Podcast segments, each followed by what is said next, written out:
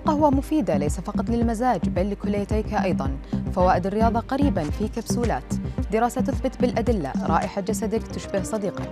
طبيب روسي هذا ما يجب عمله عند الشعور بالدوار. أبرز أخبار الساعة الأربع والعشرين الماضية في دقيقتين على العربية بودكاست.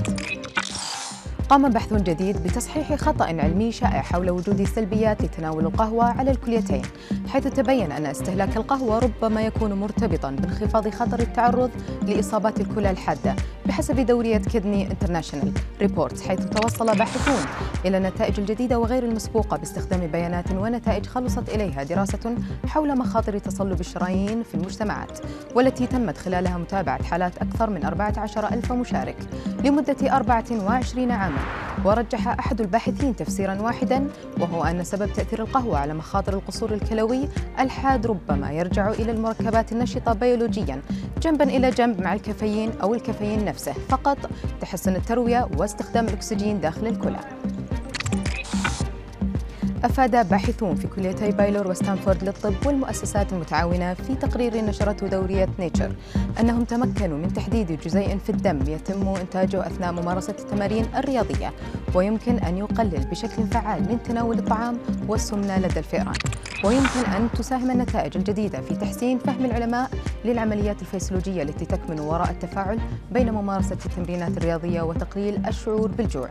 وإذا تمكن الباحثون من فهم الآلية التي تؤدي بها التمارين الرياضية إلى تحقيق هذه الفوائد فسيكونون أقرب لمساعدة العديد من الأشخاص على تحسين صحتهم ويمكن أن يكون ذلك عبر تناول دواء يحمل ذات الخصائص.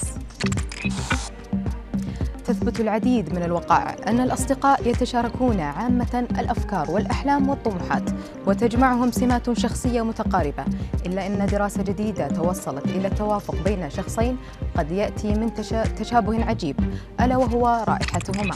فقد خلصت تلك الدراسة التي نشرت نتائجها في مجلة Science Advances إلى أن الذين يتشاركون روائح جسدية مماثلة هم أكثر عرضة لأن يصبحوا أصدقاء.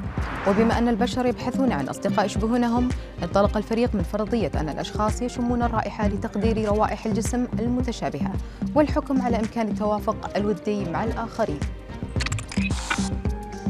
أعلن اختصاصي أمراض القلب من روسيا أن الشعور بالدوار يمكن أن يكون إشارة لمشكلات الضغط وأوضح ما يجب عمله في هذه الحالة حيث أشار إلى أن أسباب الدوار كثيرة ومتعددة ويمكن علاجها إذا كان نادرا ما يشعر به الشخص بتناول الدواء ولكن عند تكرار الحالة فيجب مراجعة الأطباء المختصين.